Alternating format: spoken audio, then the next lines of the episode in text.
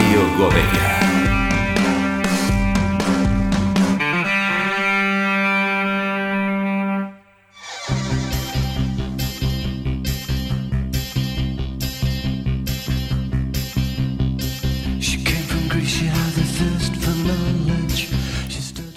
Acabem de posar fi a un any i, inevitablement, és el moment de mirar enrere i fer-ne anàlisi.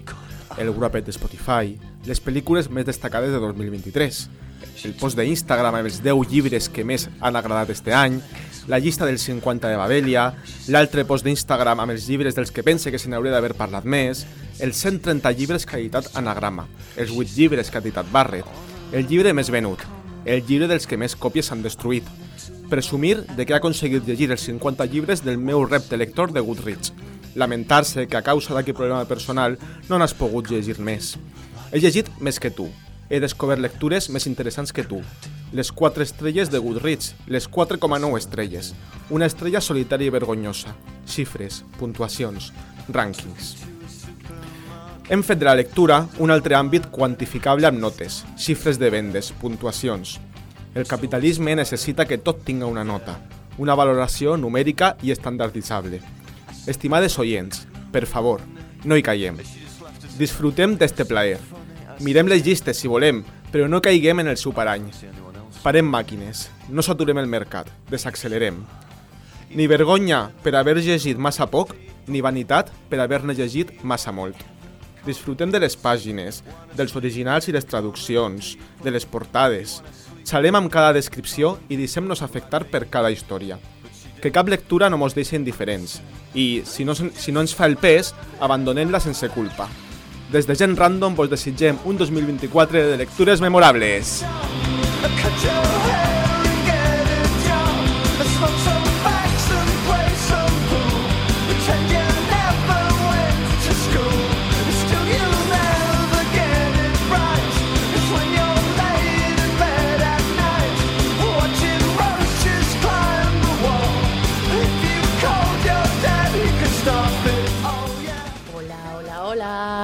Hola. Bon dia, bona vesprada, bona nit i bon any a tot el món. Què tal? Com esteu? Molt bé, saludem també avui a una persona especial, no estem només Lourdes i jo, ens acompanya Marc Català. Hola Marc. Hola, com estàs? Pues molt bé, molt contenta de la convidada i molt contenta d'estar en la ràdio pública del meu poble, Godella, Bressol d'Artistes, Balcó de l'Horta, el millor poble. Clar que sí. Molt bé. Eh, bueno, Mar Català, per qui no la conega, és llibretera de la repartidora. Podries explicar per a qui no conega la repartidora què és aquest espai tan especial per a nosaltres? Val.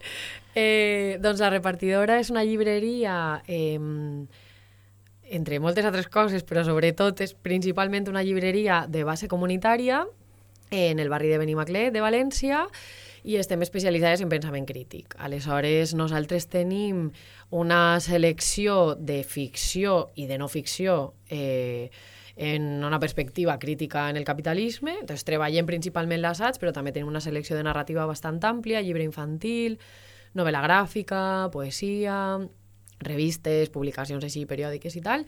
I res, dic que som de base comunitària perquè el projecte és possible gràcies a que té socis col·laboradores, que Lourdes i Quim són socis. Ja sabeu què podeu Abonats. fer aquest 2024. eh, que paguen una quota anual i que, per tant, pues, en la pasta que posen fan possible econòmicament el projecte però que també el fan possible eh, participant com de manera activa en les decisions estructurals que fem com una assemblea anual en les sòcies en la que decidim entre totes un poc el camí eh, a emprendre. Jo he de dir que des que no visc a Benimaclet és de les coses que més trobo a faltar, perquè en Castelló no hi ha llibreries, Bueno. com està, malauradament, i, i, ostres, quan arribes allí és que raro és quan ixes a les mans buides. Sobretot jo, la que vinc de Huesa Pérez, és com necessite anar. Avui, que és dilluns, que estem gravant dilluns, estava tancat i no he pogut, he hagut de fer els deures a l'altra llibreria, però tornaré, tornaré. Jo sempre que vaig li dic a Mar, no mire res perquè no vull gastar-me diners. No Perquè res. vius acostat, entonces passes molt. Efectivament. Però sí que, bueno, des d'ací jo vull fer una crida que ja li ho he dit a algunes persones que venen perquè ve bastant gent des de Castelló i jo crec que si en Castelló algú se plantejara obrir una llibreria en este perfil és que funcionaria, de veres ho pense, perquè n'hi ha gent molt polititzada, en un perfil supermilitant, que s'organitza molt en, en col·lectiu i que li interessa, perquè és que jo ho veig, que, que molta gent ve aposta des de Castelló. Bueno, en Castelló tenim Argó, tenim Babel, que estan bé, pa lo de sempre i hi ha alguna cosa diferent, però, per exemple, en València pues, se pot millorar, pensament crític se pot millorar, però bueno, a poquet a poquet anem, anem fent i si no les demanem i mos porten els llibres, però allò de fugejar-los abans de comprar-los és el que trobo a faltar. A més, la repartidora ens va acollir en un dels directes més especials per a nosaltres, que va ser, ara ja farà dos anys, Per cert, Ostres, ja. ja en farà Sant dos Joan. anys, en Sant Joan van portar a Pol Guasc i van parlar de literatura epistolar i això es va omplir, se'n recordeu? Sí, Va ser molt guai, va ser sí. un ple de gom a gom. Sí, total. Eh, doncs estem encantades de tindre't així i avui parlarem de, de lectura, de llegir. Mm, Així és un programa- metaprograma, sí, no? és un programa diferent. Per al que ens escolta, eh, haurà vist que no hem publicat cap llibre com fem prèviament en xarxes, perquè és un programa diferent. No anem a parlar d'un llibre en concret, serà un, un programa popurrí al voltant del fet de llegir des de diferents punts de vista. I reflexionarem també doncs, això de com llegim, des d'on llegim i ens estem encantades de fer-ho amb Mar. Eh, comencem... I farem un poc repàs de l'any que ha passat i del que vindrà, no? Perquè... Sí, jo estic un poc incòmoda amb això, perquè per a mi l'any comença en setembre Bueno. i em sent un poc hipòcrita, però bueno, no passa res. Estem contentes també de tornar a la ràdio, que ja feia molt que no hi tornàvem. Exacte, Ràdio Godella, la ràdio del poble de Mar, i, I- eh, visca la ràdio pública. I comencem amb una cançó, no? Sí, anem allà. Avui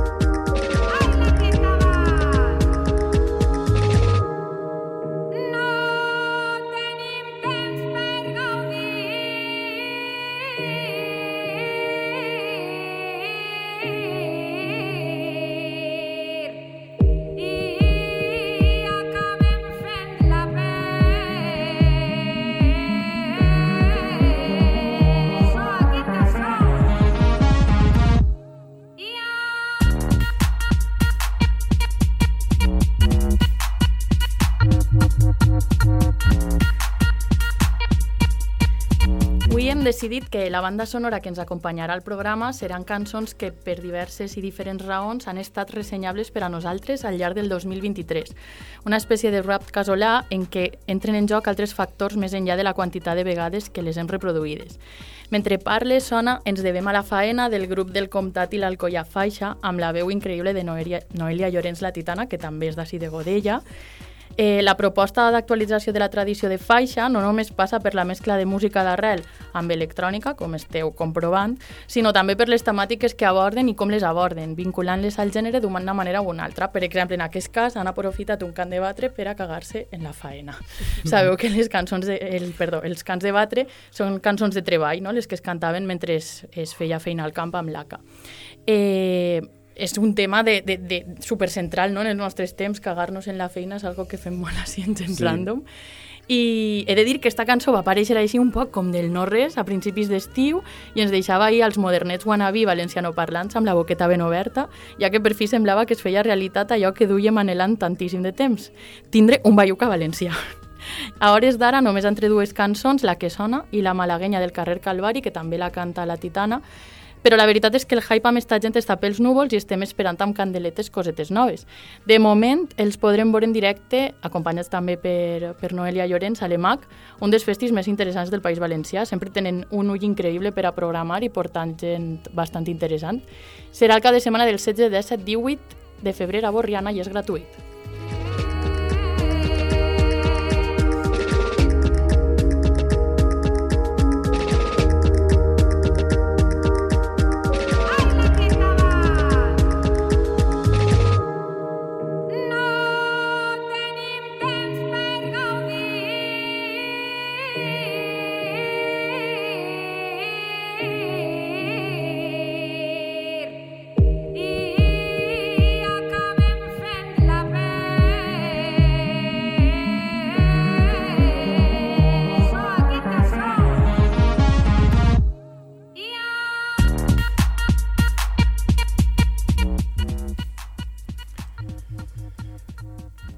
Bé, i començarem parlant d'un tema que aprofitant que Mare està així, és un, el primer tema i que volem treure, que és el tema de les portades de llibres, no? Portades que ens enamoren, portades que no ens diuen res, comprem llibres per la portada, ho reconec, o almenys comencem a fullejar-los i ens n'interessem. Mar, tu que treballes a una llibreria, tu creus que la gent ho fa això que estic dient jo? O inclús tu mateixa ho fas quan selecciones quins llibres posar a l'aparador, com més distribuïs perquè queden atractius... Què ens dius d'això? Jo crec que sí que molta gent escoll, escull els llibres per...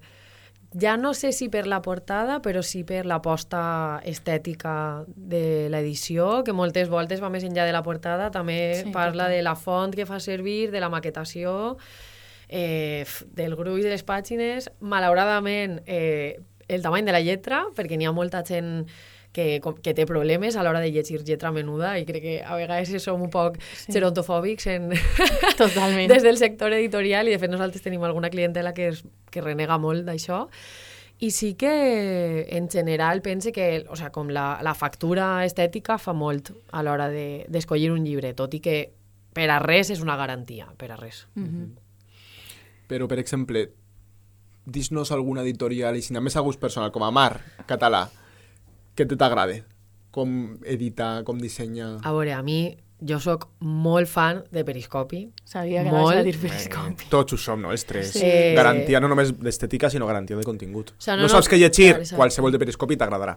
No només per la part així estètica, sinó perquè co- sol confiar molt en la seva selecció editorial, perquè quasi tot el que m'he llegit de Periscopi m'ha agradat moltíssim. I també crec que bueno, tenen una aposta molt interessant de com geogràficament d'on extrauen els discursos i, i el que publiquen. I després, per exemple, jo tinc que dir que a mi, per exemple, l'altra editorial m'agrada A mi molt. també. I en el nostre cas me costa molt, o sea, mos costa molt de moure i me sap super mal perquè sempre veig ai, mira, novetat de l'altra, que guai, me la pillaré.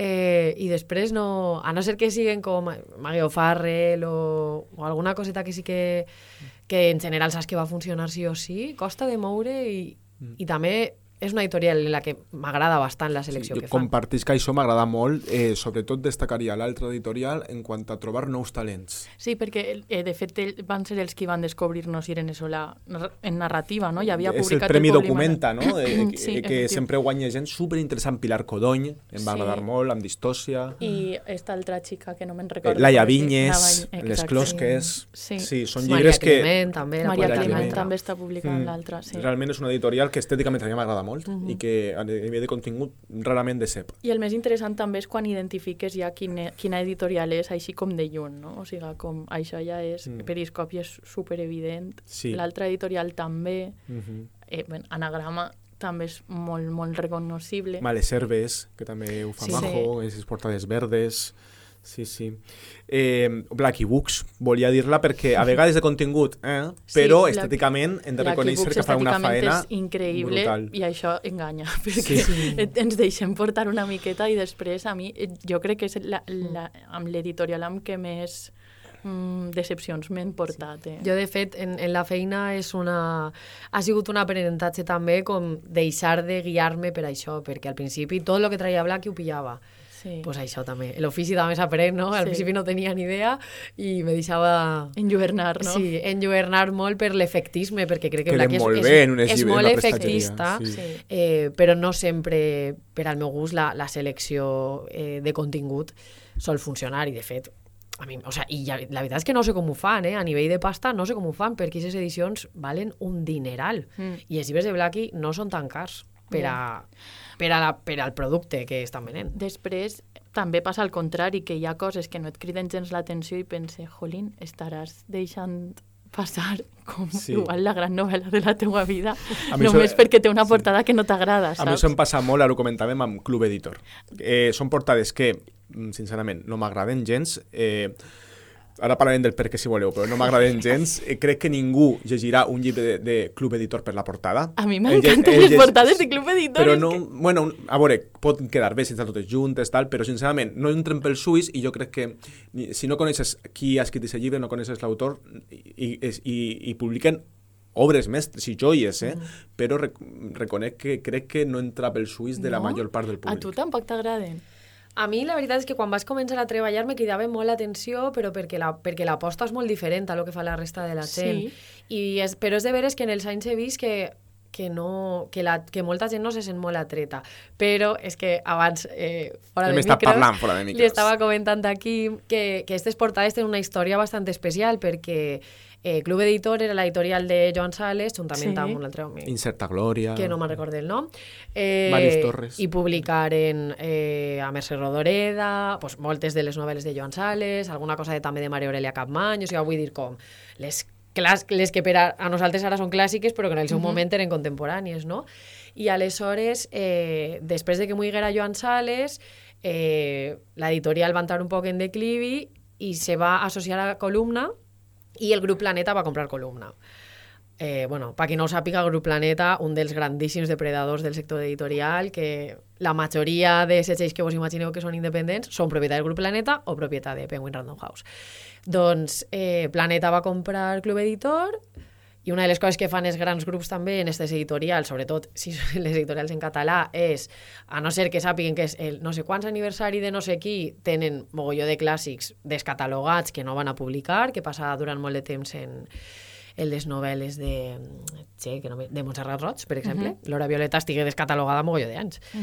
pues després d'això, Maria Boiga Sales, que és la neta de Joan Sales, va decidir recomprar-li l'editorial a Planeta i aleshores esta aposta de portades és un homenatge a les portades originals de les edicions antigues de Club Editor. És que ho anava a dir, que té ahí un toc vintage que em pareix estrany que a tu no Sí, t'agrada. És un toc añejo. I és veritat que jo no coneixia la història, Marc me l'ha contat antes i me trec el barret i ja m'agrada un poc més, però això no li pots contar a cada persona que entra a la No, repartidora. i tant. I Sí, és sí, veritat total. que és, té un punt añejo que no entra en l'estètica contemporània. A mi m'agrada perquè sí que, sí que percep això, no? que és un poc com old school, però sí que són cridaneres, són senzilles i cridaneres. A mi m'agraden molt. Quan vaig veure que, que posaves això en el guió, no, no ho entenia. És que damunt, com quan vam parlar de parlar de cobertes, vaig pensar, ai, Club Editor m'agrada molt. Bueno, mira. Pues no, no podem estar d'acord en tot. No, un no. altre, no sé si estaràs d'acord amb això amb mi, un altre tipus de portades que no m'agraden són les que fa bromera.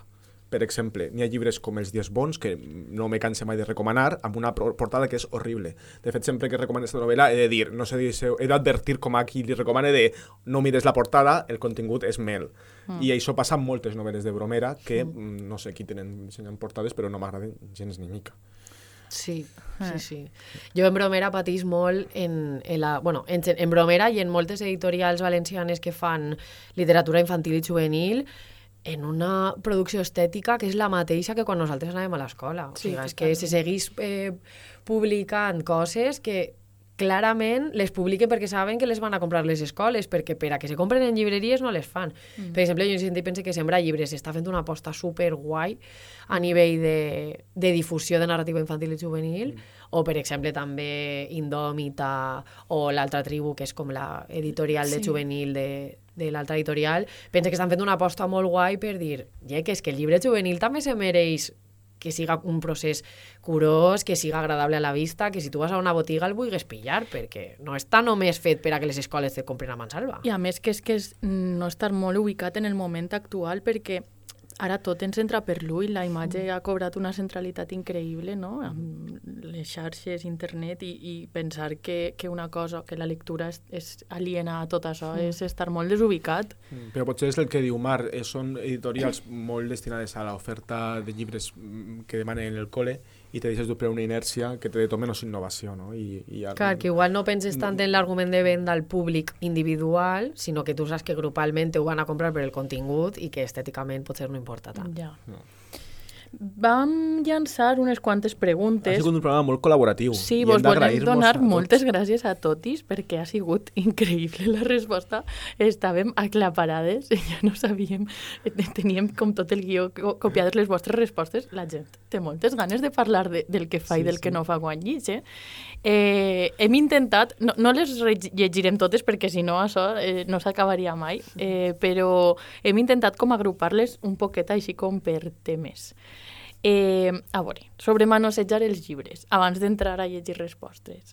Mar, tu estàs a favor de manosejar-los? Eres tocona o no?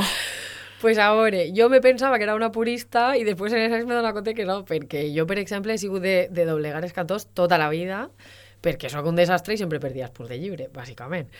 Però després parlava en gent que feia no, però això no, és impossible, no pots fer-ho perquè...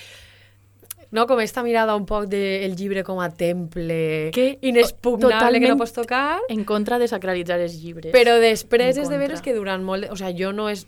Subratllar me pareixia un desacato, eh, en general no, no sóc d'apuntar-me res, ni... O sea, com...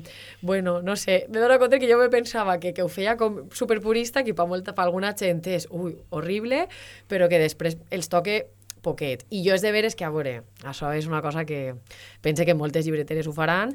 A nosaltres moltes vegades ens envien com molts obsequis per a llegir i tal, però a vegades arriba algo a la llibreria que tens ganes de llegir eh, i I que pues, no me puc comprar clar. tots els llibres que m'agradaria llegir. Entonces, moltes vegades me l'enduc a casa, me'l llisc, però el tracte en una cura increïble perquè no se note que me l'he llegit. Entonces, porte una, el llibre sempre en una fundeta, si me lo vull Ara per que no ens escolta ningú. Sí, sí, o sigui... Segur que heu comprat algun llibre que hem marcat a la Bueno, llegit. pues- Segurament. Pues Però això és no perquè m'agrada molt i vos se li recomano. Jo eh, fa molts anys vaig estar col·laborant en la repartidora i passava allí tal, algunes jornades i jo estudiava Opos i reconec que el tema de la Revolució Russa me'l vaig preparar gràcies a llibres que arribaven... A, era, era 2017, aniversari de la centenari de la. Revolució Russa i a base de llibres que arribaven a la repar, sense treure's de la llibreria me vaig preparar el tema. És a dir, és normal el que compta. Lo que Sí, compta. home. Era una època més tranquil·la en la que te pod podies Sí, llegir mentre època- treballaves. Això, Per sort, això ja no això és. ja no passa. Perquè per sort ara és un projecte sostenible. Eh, jo estic d'acord en el que dius, que els llibres s'han de tratar en respecte però no sacralitzar-los. Mm. És a dir, per a mi, mm, jo sóc persona que subratlla, que doblega, que escriu, que fa de tot, però que pense que això no és maltratar un llibre, sobretot és un llibre teu, sinó aportar-hi, no? posar la teua petjada. I m'agrada molt, de fet, quan algú me deixa un llibre o compra un llibre de segona mà i aquest llibre ha tingut una vida prèvia i es nota, Sí. perquè és com un, un objecte viu, no? no? No és un objecte mort en un museu, sinó un objecte viu, dinàmic, i crec que això, en part, que, que deixem la nostra marca en forma de llapis o de doblegar, coseta doblegar, crec que és bonic. I mola llegir-te eh, llibre subratllat per una altra persona, Mm, no? A qui sí. coneixes, jo, per a mi és com un acte superíntim, no? En què compartixes, o sigui, És com molt que íntim, coneixes sí. a aquesta persona d'una altra manera. Eh, el que jo, a mi m'agrada molt subratllar i m'agrada molt... Escriure no escric tant, de vegades sí, quan, sobretot quan és per al podcast. Tinc tota la primera plana com feta, està plena de, de coses, però mm, el que pitjor... M'he adonat que quan em deixen un llibre i no el puc subratllar ho passe fatal. ho passe fatal. Ahí és quan jo trec els pòsits, per exemple. I- Quan, quan me deixen un llibre no el puc subratllar. I, o el i, llibre de fas en, biblioteca. I què fas en el post-it? Pues Perquè- el fique més o menos, d'estos xicots que és com una fletxa, i el fique més o menos a l'altura de la línia i escric el que vull escriure o el que Coño, diria. que. O simplement fique la marqueta per a jo I, tornar. ja, però i després el post-it el deixes en el No, llibre quan el torne els trec tots. i què fas en aquests post-its? No, és, és, per exemple, pense en un llibre que és per a fer un programa i el trec de la biblioteca. Ah, Llavors ja, clar, sí, sí. coses. Ja, però és que a mi m'agrada com que quede constància que aquesta frase m'ha agradat en un moment i llavors A veure, després... si n'ha confiança a la persona que te l'ha deixat, jo crec que els pots subratllar. Mira, l'últim que m'he llegit, que després vos parlaré d'ell, era el de Mario Farrell, que es deu ser el lloc, és de Núria, que crec que pe poques persones en el món tenen tanta, tinc tanta confiança en elles com... I no m'atrevia. perquè Però li has pensava- preguntat. No, però sé, no, no, em sabria malament. Però bé, el cas... Si mai te des un llibre el meu, els pots subratllar. Gràcies. De fet, m'agradaria que ho feres. Gràcies, Quim. Eh, ah, ens han dit moltes coses. Una altra llibretera, Carlota Freixenet, llibretera de la Carbonera i podcastera en punquís decimonòniques, ens ha dit que ella és la reina del post dels pòstits, també. Igual se fa també la línia. Pot ser, pot ser. Per a preparar els podcasts segur. Manyaca és, que és raper i memaire, ens ha dit que subratlla i doblega sense por. I una eh, resposta molt bonica i molt especial que ens ha enviat Esther López Barceló per Twitter, eh, també escriptora, que per cert ara li publicaran el llibre traduït al valencià a Sembra, que Exacte, si una de no novetats. recorde mal es titula... Quan ja no quede quan ningú, ja no quede ningú, efectivament, ens ha dit no sé llegir sense escriure. Ma mare em va ensenyar a llegir amb llapis a la mà per subratllar, però també per anotar tot allò que dispara la ment durant la lectura. A voltes llegir un llibre meu és com endinsar-te en un diari. De fet, ara que ho pense, no deuria prestar a qualsevol els meus llibres. Esa cosa íntima que dèiem, és quasi Sí. com entrar al llit amb algú, eh? Eh, home, tant... Bueno, eh, quasi, quasi. Tampoc. Si llitges en el llit. Eh, La majoria de respostes un poc eren eh, que de, a la ment per la línia de marcar els llibres o sí, doblegar-los. l'única persona que ens ha dit mai de la vida és John, eh, John Kido, a xarxes. Eh, I després hi ha gent que ha dit que no, que no li agrada gens trobar-se llibres escrits i que odia les puntes doblegades. Després hi ha gent molt ordenada, que, que és com Mercè Pérez, editora de Sembra Llibres, que diu que les fa les anotacions a banda en una altra llibreta. O sigui, Sí. això ja és de és un nivell extra. superbona alumna. Sí. A mi m'agrada molt Pablo, Pablo Albalate, que li Sí. un record des d'ací, que diu que quan acaba de llegir un llibre escriu eh, la data, el lloc on l'ha acabat i alguna cosa que estiguera passant en aquest moment. Tipo, em donava el sol a la cara, hi havia molta gent al voltant... Que xulo, Sí, això. eh? això és majo. Sou superaplicats. Sí. Sí. Jo, jo I- no faig tantes coses. I Iris, Iris Verge, també, li enviem saludos des d'ací, diu eh, des de que sóc joveneta sempre posa rametes de flors o fulles a secar entre les pàgines dels llibres que he llegit. De fet, m'agrada que hi haja relació entre la flor escollida i la temàtica del llibre. I alguna vegada se m'ha escapat deixar una flor seca en un llibre de la biblioteca. O sigui, si algú agafa una biblioteca, un llibre de la UGI o el que siga i troba una flor dins, sabeu que és la culpable. És molt guai, això també, Mm. però jo no tinc tanta constància en aquestes coses. Eh, després hem parlat d'un altre tema que em pareix interessant, que és sobre llegir en veu alta o que et lligen. Jo, és mira, jo no ho feia mai fins que vaig arribar a matèria de Bretanya. Sabia que anaves a parlar de Eh, és matèria que de sempre Bretanya. ho dic, perquè són aquells fragments tan curtets i que queden tan bé en, en, en veu alta. De fet, quan fèrem el grup de lectura, Ho vosaltres estàveu en aquesta Sí. sessió... Sí, jo crec que, ho vaig dir, és ho que sempre lo dir. digo. Sí, no? Però crec que... Di tu, di tu frase, Quim, di tu frase. No sé si, si Concha i Marina Bartual també ho van comentar, Sí. me pareix, com que elles a Jo ho vaig dir, però vaig ser recolzat, eh? Sí, sí. Vaig ser recolzat. No, a mi em pareix bé. Eh, Alba de Malaherba ens ha dit me flipa, super flipa que em llegisquen un fragment a la nit. Com si llegir-te fora cosa de nens només. Va! I llegir en veu alta quan ho puc compartir amb algú. És que és sexy tot, eh? Llegir algú... De, pot ser sexy. Pot ser sexy? Mar no està d'acord. Bueno, la A mi me confiança. para Pot ser un poc super grinch, pedantet. però depèn de la relació que tinguis amb aquesta persona i si la coneixes, no? A mi me llig el meu nòvio un trobo en el llit i dic... O sigui, en la primera cita, en la primera cita amb algú queda fatal. Romeo, vale, va. Però quan tens confiança, a mi m'agrada molt que me llisquen trossets. A veure, jo... No sé, jo igual perquè mai ho he fet i és lo típic que veus en les pel·lícules i pues, és la típica comentar que jo no faria en ma vida, però després igual te ho fan i dius, ai, pues mira, que gustet. Sí. Sí. Jo tinc algun record ahí que m'hagin llegit algun poemeta en algun moment així sí. postcoital. que, Ui, no, Lourdes, que no, per que favor. sí, que ha sigut... Bon, bueno, estic així, fent un oversharing.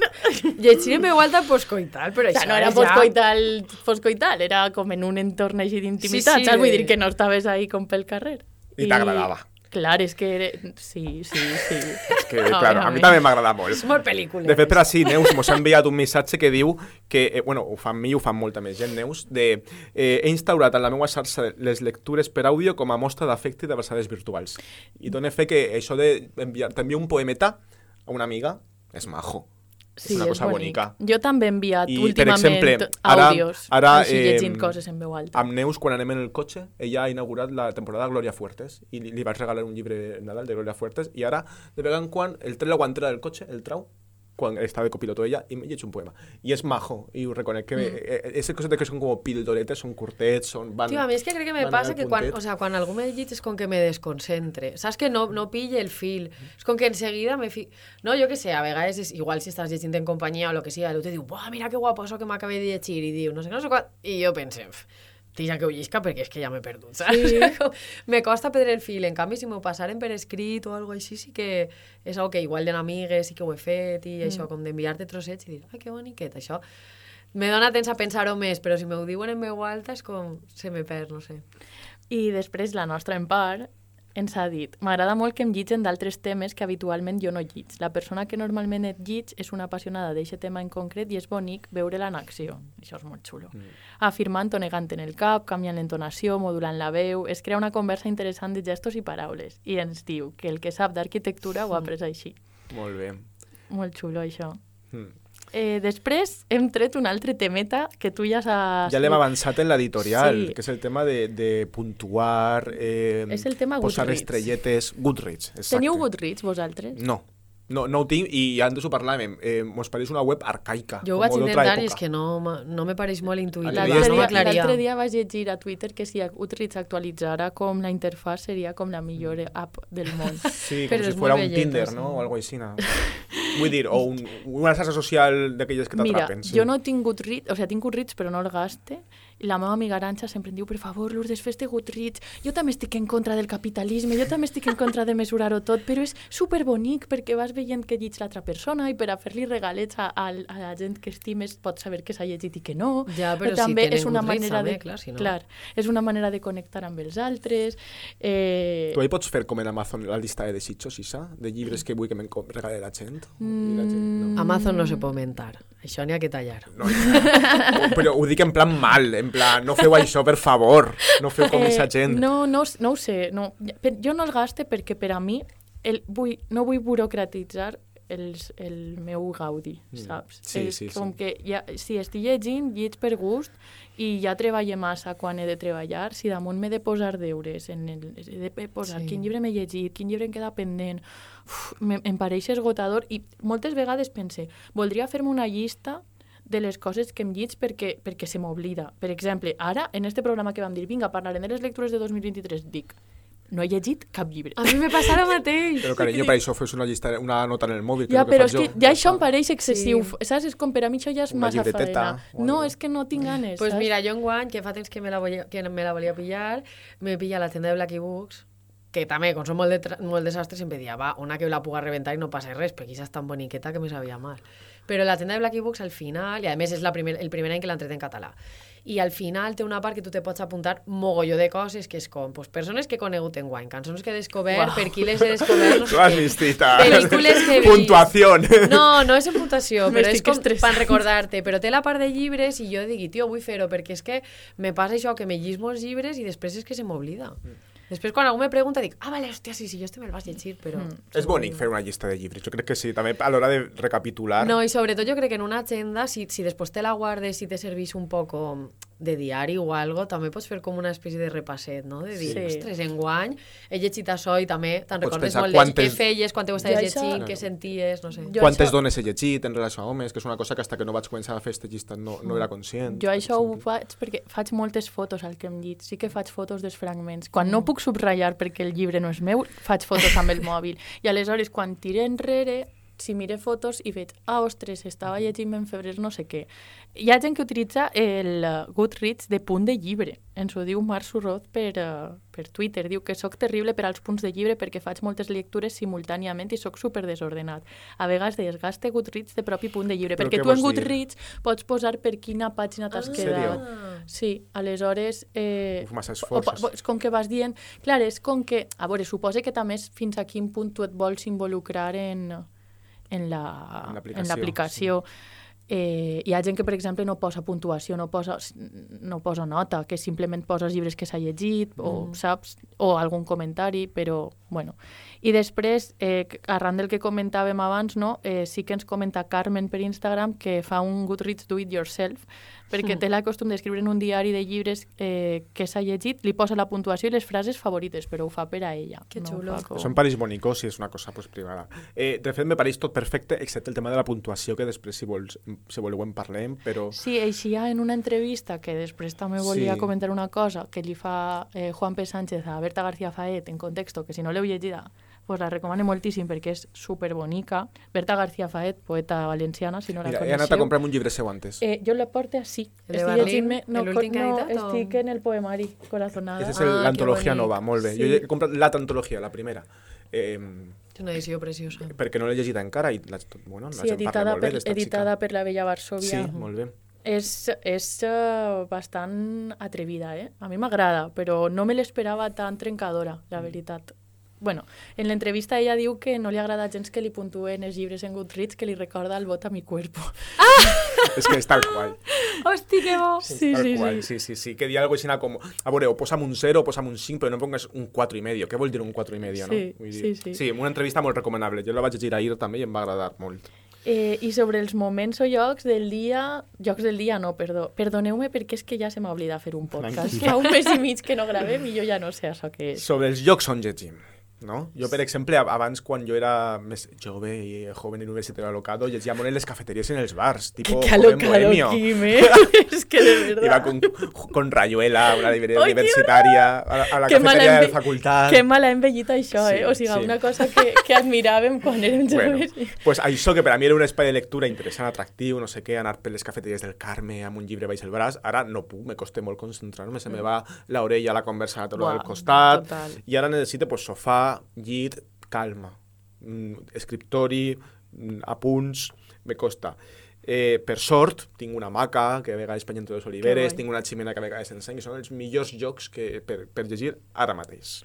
Tu on llitges? Jo, a veure, de tota la vida, jo vaig començar a llegir perquè me costava molt adormir-me de menuda. I mon pare me digué, llits, perquè si llitges al final te cansaràs. I sí, me quedava llegint Harry Potter hasta les 3 del matí i després tenia que anar a, a l'escola. Jo me'n recorde, jo tinc la imatge de ma mare sempre dient si no pots dormir, llits. I sempre Mm. ah, el, el costum de, de llegir abans Sí. de dormir. Jo sempre llegeixo el Mm, llit, jo però també, un també. lloc on m'encanta llegir és en la platja. Mm. O sigui, per a mi anar-me'n, sobretot en estiu, no? eh, anar-me'n a la platja sola a llegir és com planazo, no necessito res més. I em concentre moltíssim, m'encanta... És... Clar, jo és de veres, jo quan estic de, de vacances llig tot el rato. O sea, no a la mínima que tens una estoneta que dius, ai, per què fas? Pues va, vaig a llegir.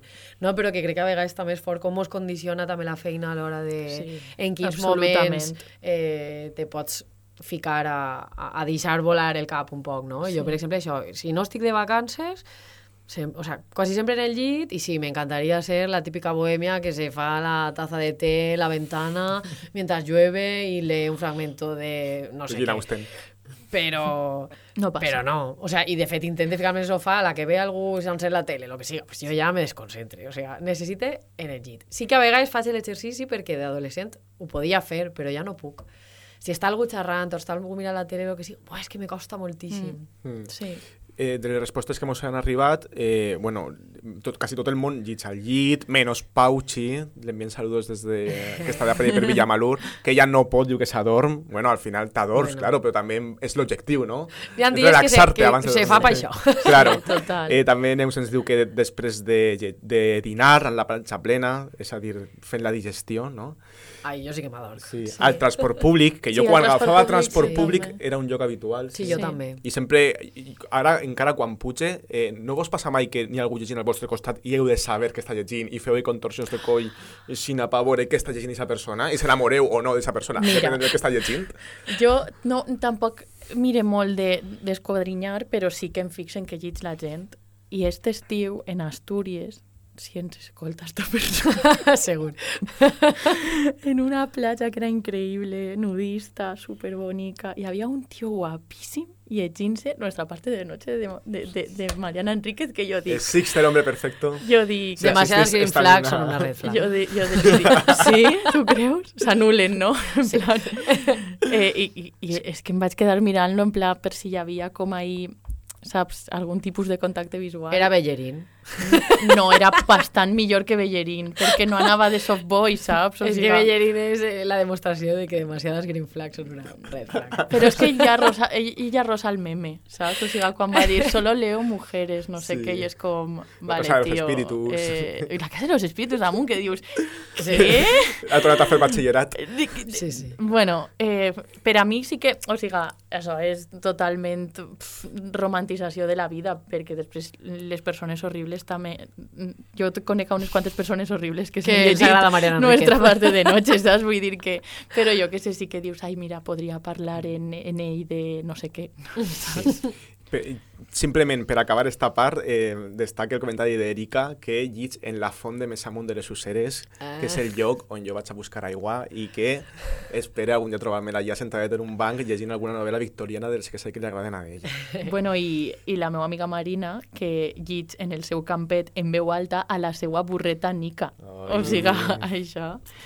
Després, eh, típica dicotomia, paper o digital? Per a mi mai ha sigut un dilema, jo mai he llegit en digital. Alguna Jo vegada tampoc. que he hagut de llegir papers i coses d'estes per a la uni, ho passava fatal. Jo Jo tampoc, però mira, vaig aprofitar esta part per a dir coses que haguera volgut dir en el discurs dels premis al podcast valencià, que no van guanyar. Jo tenia un discurs preparat a la butxaca.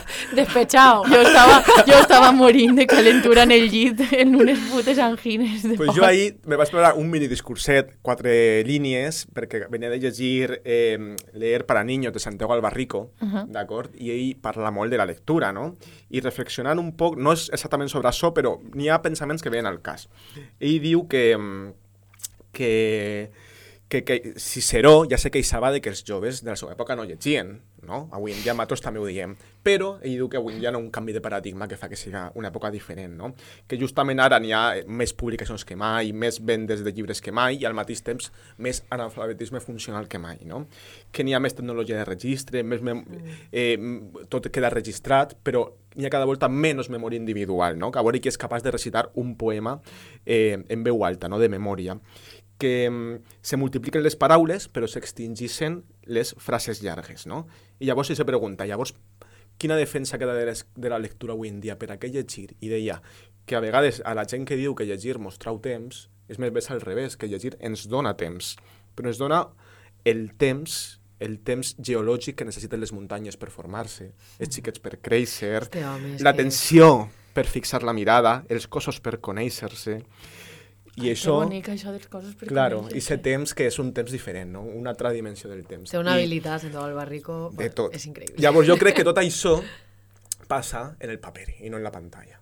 I que en la pantalla justament passa tot el contrari. Que I a més, bueno, jo vull fer una puntualització també des del punt de vista de llibretera, eh, no només perquè siga el, el nostre mitjà de subsistència que la gent compri llibres en paper, sinó perquè tot el que fas en un llibre electrònic i tot el que fas especialment en un Kindle, no només és que quede registrat i que se quede ahí, és que tot això va a bases de dades que serveixen per a orientar lo que se publica. O sigui, Amazon començaven en llibres mm. i se van inventar el Kindle perquè van dir, buah, pues, la superidea, i aleshores ells saben quan tardes en llegir-te una pàgina, a on te deixes un llibre, a on te deixes un llibre que després tornes a reprendre, eh, més enllà de quin tipus de temàtiques funcionen més o menys, si te- si t'agraden més els llibres en frases llargues o curtes, a on tu t'has anotat alguna cosa, i ells fan llibres per encàrrec. O sigui, Amazon té editorial i Amazon publica basant-se en moltes de les dades que recull de lo que fa moltíssima gent en els seus llibres electrònics. O sigui, que al final li estem donant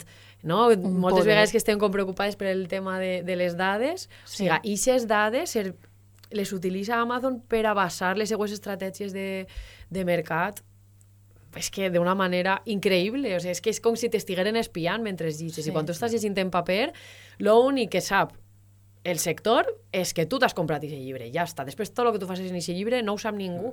Si li deixes a algú, si te l'has deixat i no te l'has llegit, eh, si no t'agrada gens, si t'ha flipat, això és teu i de la gent que t'envolta, però o de l'editorial si rep algun feedback, no? Però després és que no, no té aquest recorregut. Uh -huh. I el que, i lo que passa en els llibres electrònics, jo és que quan ho veig, me, és que me dona... Uf, me posa molt nerviosa. El que, és que, el que passa en el paper es queda en el paper.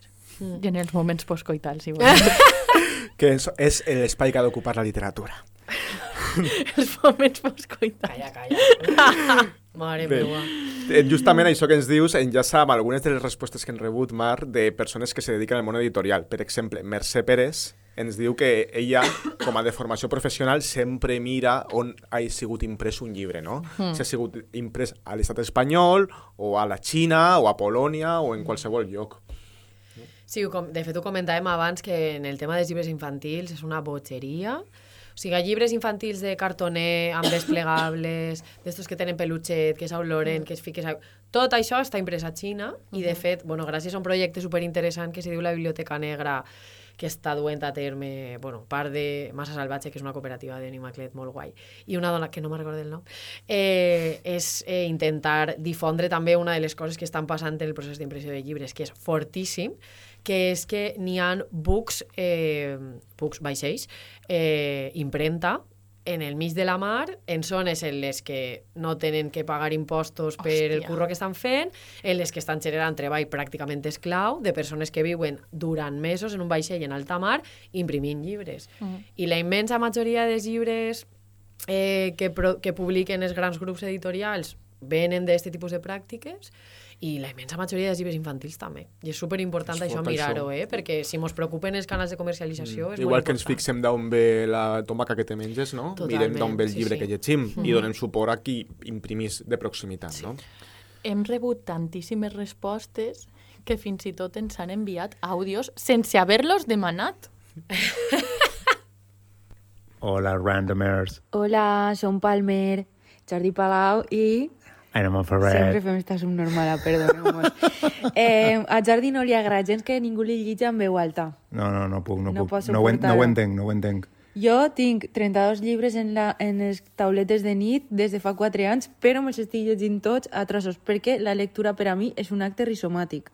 Jo exactament igual, sí, no, so, sí, per ahí estarà la cosa entre 25 i 35 A segons. veure quina pregunta érem, eh? Passa, passa. després diu, un moment del dia predilecte per llegir. Buah, eh, sempre després de sopar i super tard, que se fa super tard, fins a les 3 del matí, lo A veure, l'acte de llegir, jo crec que estem llegint tot el dia, Bueno, és que no, no tot fem el- altra tot cosa que llegir, i més sí. amb el mòbil. Però el que és llegir un llibre, siga electrònic o en paper, jo sobretot ho faig després de dinar o abans de dormir, si, si és per plaer, tot i que llig molt poca novel·la, i si és d'estudi, pues, tot el dia estic envoltada de llibres perquè és el meu treball un poc. I diu, ja, jo me passo tot el dia llegint també, però sí, llibres per la nit. I un lloc, el llit, perquè rarament isc del llit, jo. Besets, bon 2024... Moltes gràcies, Aina i, i Jordi. Tan destarifats com sempre, un saludito a la xusma de Lux. I, i ja farem algo. Sí. Eh, I després, per tancar un poc este bloc d'hàbits lectors, crisis lectores, existen? Llibretera i podcaster? En Sí. teniu? Jo crec que Quim tu no en tens. Sí, sí que tinc èpoques que... Sí, no, no greus, però sí que n'he tingut. Me passa sobretot en llibres gordos que dic, uf, mm, necessito fer una pausa enmig. No és una Sí. crisi lectora, necessito fer una pausa enmig i llegir altra cosa més lleugera i tornar. Me va passar amb Nuestra parte de noche, de Mariana. Enríquez. Sí. M'ha passat ara en Gener, que heu llegit també este, estos Nadals. Sempre he de fer una pausa i llegir una cosa més lleugera i tornar-hi. Sí. Sí, a veure, jo crec que és que la majoria de voltes que tinc crisis lectores té més a veure en el que està passant en la meva vida que el que estic llegint. Sí, a mi també em passa Aleshores, pf, jo què sé, pues sí, a vegades pilles algo, normalment a mi el que me sol desbloquejar són lectures com lleugeretes, no? Això que dius, buah, pues, estes que estan escrites d'una manera que no pots deixar de llegir. Eh, I aleshores ahí sí que a vegades pues, m'enganxe i de sobte dic, ai, mira, pues ja torne a tenir ganes de llegir, però. Alguna recomanació de lectura desbloquejadora? A veure, jo és que llibres d'estos enganchosos, pa mi, bueno, demà i demà i demà ha sigut un d'estos, jo Mhm. l'agarri el No dia... és la primera persona que em diu això. Bueno, sí, a mi que també em va passar. No eh? volia parlar d'ell quan parlem de quins llibres mos han agradat, perquè crec que s'ha parlat tant que no volia repetir-ho, però és que enganxa moltíssim. Sí, és molt bon llibre Sí. per, per gent que de- me diu ai, m'agradaria reenganxar-me a la lectura després de molts anys sense llegir. Jo crec que és un bon llibre per Me fer-ho. i, I mira que és curiós perquè és molt gros, eh? Però després, per exemple, m'he passat també en Americana de Chimamanda Ngozi Adichie, que me vas viciar i no volia que s'acabara, no? No volia eixir d'aquest món. I després m'he passat molt en, en Marta Rojals, molt. Primavera, estiu, etc. Estàvem Sí. parlant. És un llibre eh, per a enamorades de l'amor, com jo. Eh, però i, i jo crec que sí, tampoc, a veure, que tampoc és tan, tan, tan pastís, no? Al final té, té una història d'amor que sí que és Sí, però té moltes coses central. darrere molt interessants. Sí, i et com trasllada l'oralitat, a mi m'ha agradat Mm. moltíssim. Un altre llibre que desbloqueja per a mi és Gina de Maria Climent. O l'últim de Maria Climent, també. Ai, no el de A casa teníem un himne, també és així. Eh, també em va passar amb un pianista en un celler de Muriel Villanueva, que l'he dit a Sembra, i això també desbloqueja bastant. Jo crec que és important conèixer-se. A mi em passa com a tu, Mar, i és quan tinc així èpoques de molt de curro o molta agitació emocional, és com que no puc llegir. Venia ara d'una època de no poder llegir, però en realitat estava bé. O jo creia que estava bé, no sé, igual el subconscient està intentant dir-me alguna cosa, però crec que és important conèixer-se i saber què és el que a una li va bé en cada moment, no? I dir, mira, doncs si ara no puc, però jo, jo, jo ho porto fatal perquè jo pense que ja no vaig a tornar a poder llegir en la vida, que he perdut la capacitat lectora i no, i no, no la recuperaré mai. Vienen los llunes al infierno y al mercado y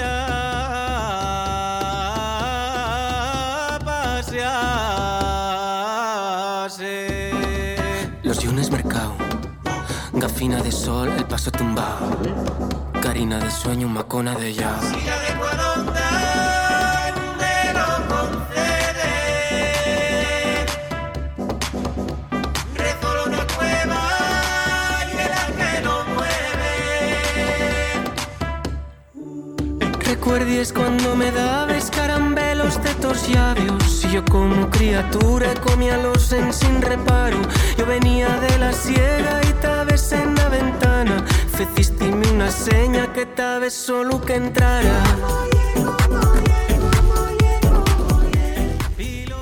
Bueno, la, la cançó que jo he escollit és esta Com Oye, de Rodrigo Cuevas, i l'he escollida perquè, bueno, a banda de perquè Rodrigo seguís sent el meu ídol, sempre m'ha passat algo a tres anys... El que, de totes. El de totes, compa passió compartida. Hasta ara sempre m'havia passat que mai havia pogut anar-lo a veure i enguany he anat no una, sinó dos voltes a veure'l. La primera, bueno, va ser terrible perquè estàvem vivers, va fer molta calor, me va picar un pollastre esa vesprada, jo no va Bé, així va ser. La vida rural, eh? Pero... Te vas, te vas... eh, Yo estaba, estaba experiencia far. inmersiva Valía como rural. tres y pico euros la cerveza, petita, bueno, terrible. Eh, A mi no m'ha però agradat molt poc- concert, No, va ser, jo que passar, recuerdo. Fa molta calor. Però després vas poder veure en el, um, El Trobam, Trobam, en. Castelló, i ahí ja, segona fila, és que li veia hasta el sudor, o sea, perfecte. Bé, estem així... Eh, bé. Eh, la lectura, fins ara hem parlat d'ella com un poc com una activitat individual, no? Sí que és de veres que jo la percep un poc com el recolliment, com estar amb mi mateixa, no? Però realment també pot ser una, una activitat col·lectiva. Quan parlàvem de compartir fragments amb les amigues a través de WhatsApp, no? Quan llegeix algun veu alta, quan simplement li recomanes un llibre a algú, per exemple, tu mare, en, la teua, en el teu dia a dia, això ja col·lectivitza d'alguna manera no? aquesta experiència. Però a banda d'això, últimament han, han sorgit no? com moltes iniciatives. Jo crec que un poc em fa la sensació com després de la Covid més, no? No sé si per les ganes d'ajuntar-nos que teníem o què, eh, de, de diversos grups de, le grups de lectura, com és el cas que la repartidora ara de sobte en teniu com mogolló, però tot va Moltíssim. començar, però tot va començar amb el de Mercè, no? Amb el de Tot va començar en per català. Mercè, perquè Per Per- Mercè Pérez, editora de Sembra. Perquè a més és una persona bueno, que a banda que llits, mm, no sé, eh, tres pàgines per segon, que és increïble la quantitat de llibres que llits, mm. i de la passió lectora que té també, és una persona que també té una energia i, i una no sé, un compromís també a l'hora de proposar coses i nosaltres feia temps que volíem fer alguna cosa però la veritat és que estàvem un poc desbordats i a vegades quan, bueno, a més se, se veu que no li passa, però quan treballes moltes hores envoltada de llibres, pues a mi en el meu test llibre pues m'avellís fer altres coses. Clar. Entonces, parlar de llibres a vegades, pues com ja tinguis espai a la feina, pues com que no, no el busque no més endavant. Entonces volíem fer grups, però deien, bueno, nosaltres no... És que no podem assumir la coordinació perquè és feina al final. I aleshores Mercè mos digué, mireu, jo estic pensant que, que estaria molt guai fer-ne a València, no sé si n'hi ha en català, València eh, però crec que seria important i a molta gent que li agradaria fer-ho i ella mos ho va proposar i mos va dir m'agradaria fer un grup en el que llegirem novel·la escrita per, o relats, o sigui, narrativa, escrita per dones eh, i que estiga publicada en català.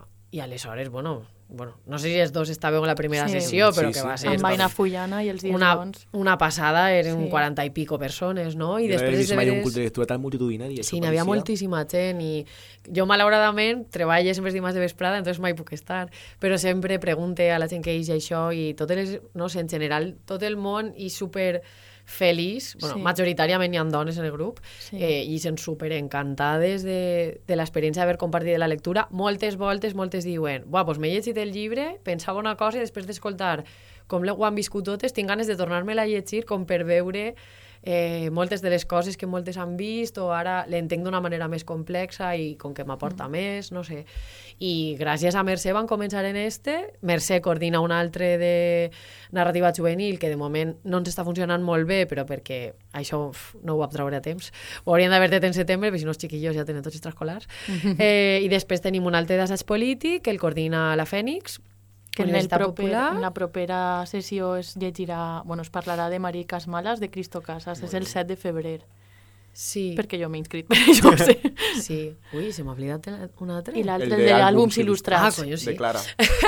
Sí, el de àlbums il·lustrats, que el va, se va iniciar en una col·laboració amb Babacamo i el Cefire, el coordina Clara Berenguer i mos van proposar dur-lo. I la veritat és superinteressant perquè és un, un format de llibre que moltes voltes el públic adult no, no el valora i és que n'hi ha tantíssim que Sí. pots traure la sensibilitat de la que se treballa en les històries també des de, I que no sabem llegir imatges. des de la il·lustració. És, són peces delicadíssimes i que dona molt de gust compartir.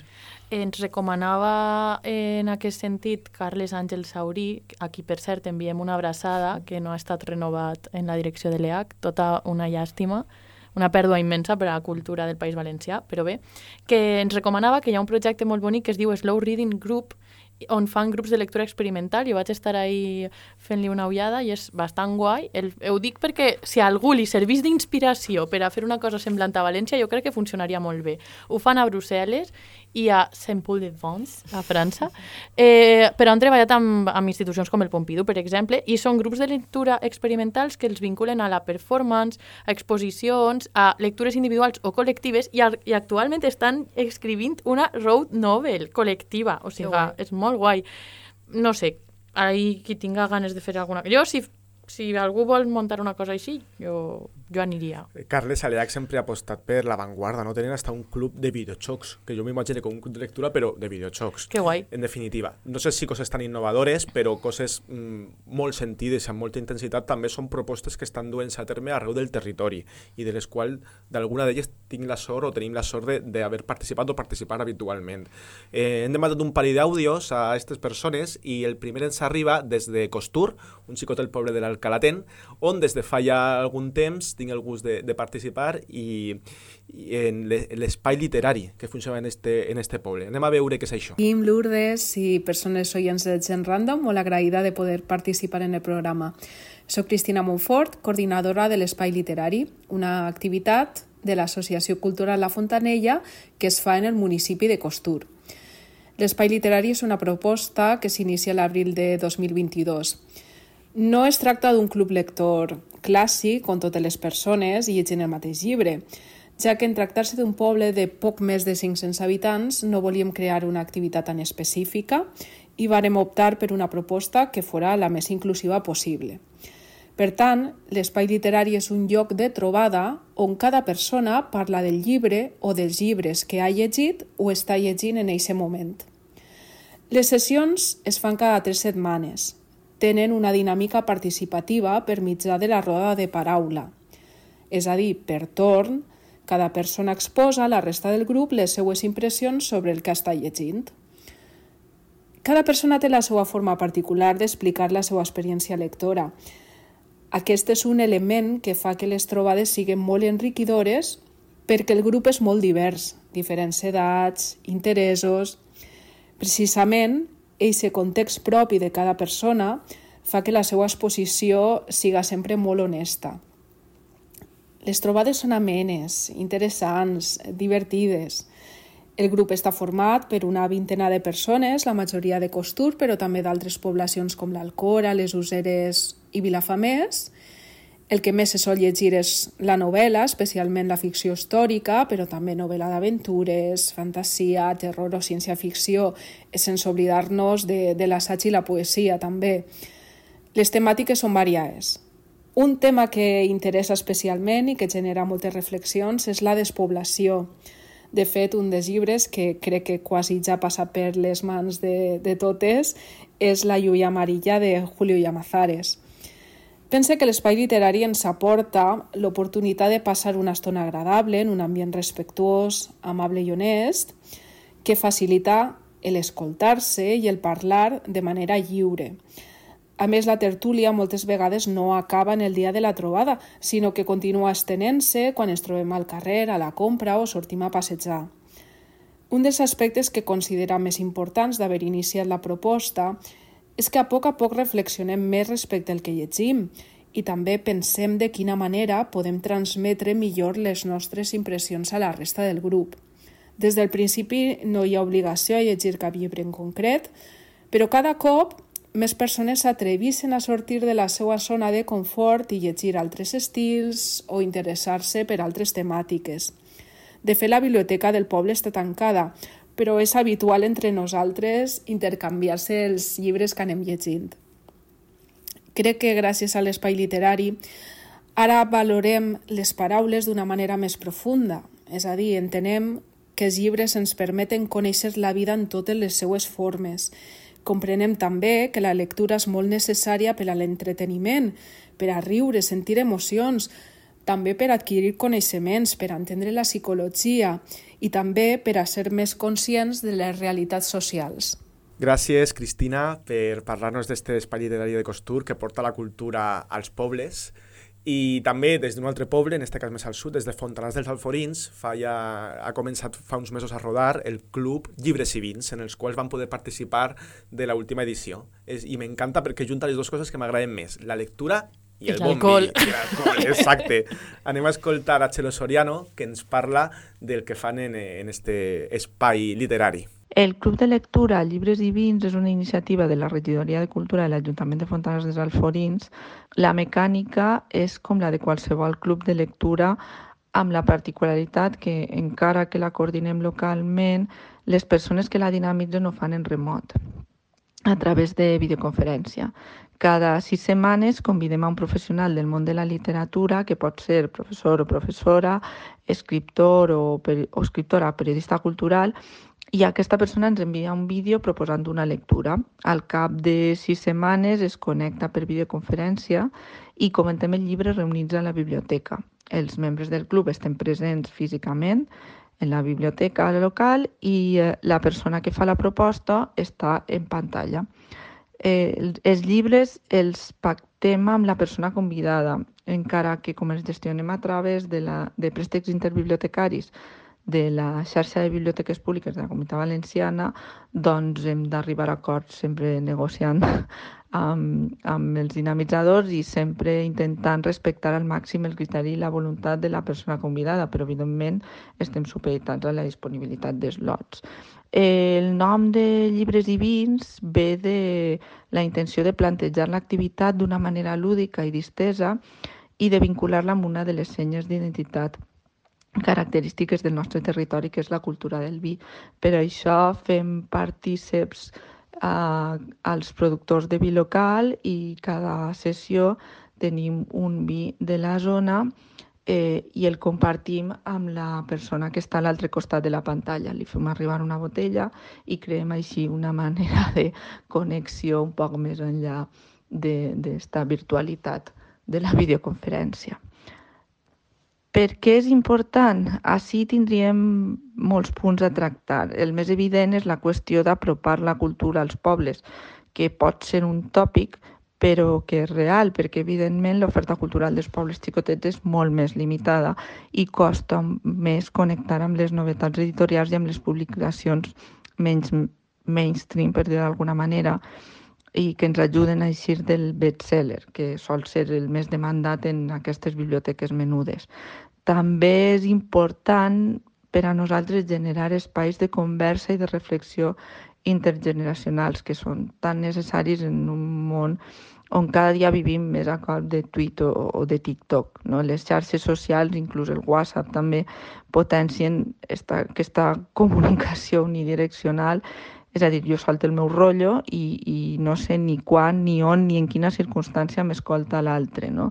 De fet, no sé ni si m'escolta. Després de la pandèmia ha hagut eh, a, com aquesta mirada de nou al món rural i la sensació és que continua contant-se des d'un punt de vista absolutament urbacèntric, tant a la ficció literària com a la ficció cinematogràfica. Tenim alguns exemples que ho conten més des de dins, com puga ser el cas d'Irene Solà o de Marta Rojals, o tot el treball fantàstic que fa Maria Sánchez, però les veus majoritàries continuen venint des de les ciutats.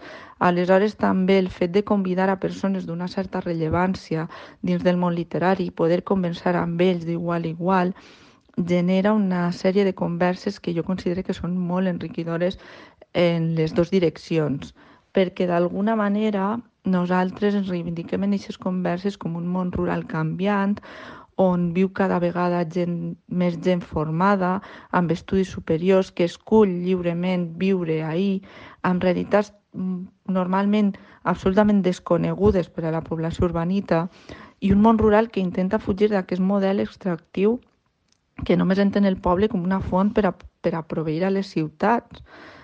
Un model extractiu que està arruïnant-nos i que és extractiu a tots els nivells, en aliments, energia i fins i tot també el turisme rural orientat a donar calma i descans a als habitants de les ciutats, reduint-nos a, a nosaltres, a extres que es mouen pel decorat del cap de setmana. Aleshores, reivindicar-nos com a éssers pensants amb inquietuds culturals i amb interessos i opinions divergents seria també un dels objectius eh, fonamentals d'aquest tipus d'iniciatives. Bé, i encetem ja l'última part de, del programa, després d'haver sentit aquestes experiències que ens demostren que la lectura no és algo tan solitari, que és un poc, mm, volíem recomanar alguna lectura que ens haguera marcat en 2023 i de la qual encara no haguem parlat. En el meu cas, eh, comença a sonar esta cançó que ens acompanyarà en el relat. Volia parlar-vos de Una vegada va ser estiu la nit sencera, escrit per Elisabet Riera en l'editorial Males Cerves. Riera ha escrit el que ella mateixa en alguna entrevista ha confessat que és tota una oda al romanticisme i ho ha fet a través de tres elements. Una dona malalta que necessita marxar d'algun lloc, l'obra Winterreich de Schubert que està sonant de fons i els versos de les Trobairits, aquestes poetes occitanes de les quals en coneixem alguns versos eh, i que són els més antics de la poesia trobadoresca. Aquestes tres històries se filen enmig de la natura, d'una natura immensa i vasta, salvatge, envolvent, són històries de fugida i també històries d'amor. D'amors impossible, d'aquesta necessitat de marxar sense mirar enrere. Damunt coincidís que l'ha llegida els últims dies de l'any i la casualitat és que just la novel·la hi té lloc en aquests últims dies de l'any. Jo anava llegint la nit de Nadal, el que passava aquest dia, el dia de Nadal, el dia del solstici, anava llegint les pàgines que l'autora narrava que passava en aquell lloc. No? La protagonista eh, recorre els camins de les Alberes, la serralada que separa la Catalunya nord de la Catalunya del sud. Ressegueix els camins d'una suposada Trobairits que va fugir de la seva cort a causa d'un amor impossible amb la seva dama que va sobrepassar allò cortés. La protagonista, en els nostres temps, també fuig d'alguna cosa, d'una malaltia, un càncer que se li ha aferrat com un cranc al pit. Cap de les dues sap molt bé a on va, i de fons les referències constants a l'obra de, de Schubert, escrita en aquest moment d'eclosió de les idees romàntiques. Justament ara estem escoltant Der Leyermann, la darrera composició d'esta obra. Eh, una obra que narra el viatge d'un caminant a través de la neu i l'hivern després de saber que la seva estimada l'ha rebutjat. Està ple de malenconia, d'intensitat, un home fuig, un home és expulsat, com la Trobairits que recrea la història. Diu, després del primer pas, de casa ja no n'hi ha, només n'hi ha camí. El camí serà la casa. Diu en un moment donat algú que no sap si és la protagonista, si és la Trobairits, si és Schubert, perquè podria ser qualsevol dels tres.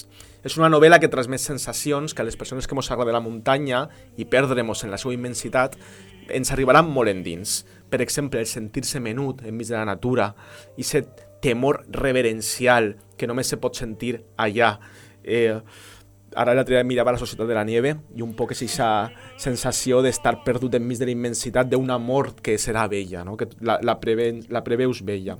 N'hi ha moments en què la protagonista descriu eh, quan passa nits en refugis de muntanya i diu que hi entra ells com qui se llença a la pila batismal.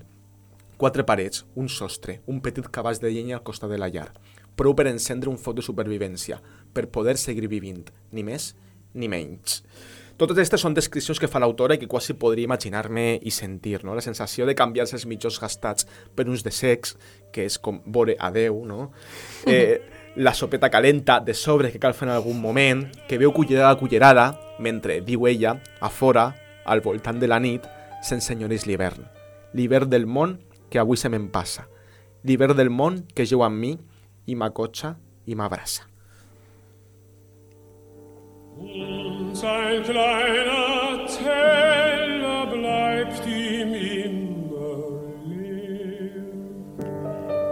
Mira, justament jo a este llibre li tinc moltes ganes i me'l vaig comprar a Detroit, al COI, esta tardor, eh, baixant de visitar els amics del Mas del Potro, justament. Però encara no, no l'he agafat, la veritat. Molt recomanable, de veritat. He disfrutat molt en ell. Jo també m'ha costat triar llibres perquè la majoria de les coses que m'agraden les porto al podcast, aleshores Ah, era com de què vaig a parlar, però la veritat és que eh, els n'he triat tres, perquè per què triar-ne uns i puc triar mm, 34? Eh, I he pensat que els que més m'han agradat han sigut Paris Austerlitz de Chirves, El lugar d'Annie Ernaux, amb traducció de Nair Gutiérrez i editada per Tusquets. A Chirves l'edita Anagrama, com sempre.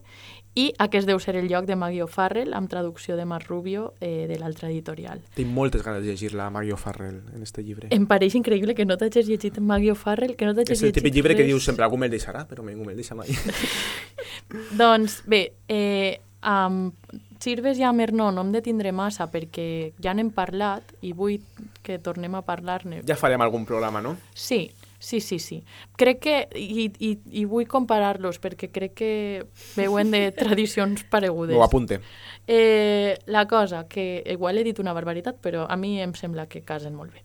Aquest deu ser el lloc de Maggie O'Farrell. És l'últim llibre que jo m'he llegit en 2023 i és el que m'ha rescatat del bloqueig lector que portava jo des de, des de l'agost. Eh, vaig flipar en Hamnet, em consta que així en la taula tenim la major fan de Hamnet Sí, bueno, de jo, a, jo a soles hauré venut 65 exemplars. O sigui, és que Ole. M'encanta aquest llibre, m'encanta. Jo me'l vaig llegir estant amb Covid, que no podia fer res, em vaig llegir Eudald d'Espluga, No siguis tu mateix, i Hamnet. I li tinc també molta estima. Aquest deu ser el lloc que és molt diferent. Eh, eh, la, és molt diferent pel que fa a la trama. És difícil resumir-la. Eh, podríem dir que els protagonistes són Daniel Sullivan i Claudette Wells i que és la història de les seues vides tant per separat com en comú. M'agrada molt perquè és un llibre com de llarga durada. És com que acompanyes els personatges durant un temps molt llarg de la seva vida i això em va recordar un poc a poeta xileno. Sempre que puc parlar de poeta xileno. Eh, no, perquè com que els acompanyes, els veus créixer i els, com que els agafes una estima mm, particular, no? Eh, cada capítol és un personatge ubicat en un lloc i en un temps concret, no segueix tampoc un ordre lineal, d'acord? I a poc a poc vas unint les peces del trencaclosques. És un d'estos llibres que t'omplin el cor, on sembla que no passa res, però que el que passa és la vida, que al final és el que més m'agrada a mi llegir sobre, això. I um, és una novel·la, mm, com comentava abans, suficientment diferent a Hamnet perquè li pugui agradar als detractors de Hamnet, que no n'hi ha pocs, però prou pareguda com perquè li pugui agradar també als fans, així que Mar te la recomane molt. Eh, està situada en una època contemporània, la qual cosa pot ser la fa més eh, atractiva doncs, a la gent que no li agrada així com una novel·la molt oscura, no? molt, com pot ser percebuda Hamnet. I a més canvis de veu narrativa, no és tan transcendental tot el temps, però sí que s'hi intuïix l'estil de, de Hamnet quan es parla sobretot de relacions maternofilials o relacions romàntiques. I bueno, és que Maggie O'Farrell construeix i narra d'una manera excel·lent, res és casualitat en este llibre, mm, no sé, vos el recomano moltíssim, és un llibre que també atrapa bastant, així que... Ens l'apuntem avui, te jure que l'he tingut en les mans i estat a punt d'endur-me'l, però m'ha tornat a passar el de sempre, que algú me'l deixarà. Clar, Núria, ja saps a qui li l'has de deixar. Núria, Núria, Lourdes, Lourdes aquí. I a tu, Mar, quin llibre ens recomanes? Eh, doncs jo enguany eh, vaig intentar pensar en, en els llibres que havia llegit Dic, no vaig a parlar de Hamlet perquè sóc una pesa. Però això ja a te l'havies llegit ja fa de temps, temps no? però és que m'agrada tant que sempre estic parlant d'aquest llibre. Eh, I vaig pensar en una aposta de periscopi que me paregué molt interessant, que crec que no ha tingut molt de ressò, però que jo la vaig gaudir molt, que és Ara de Torta, d'Itamar d'Itamar Vieira Jr., eh, que és un escriptor brasiler.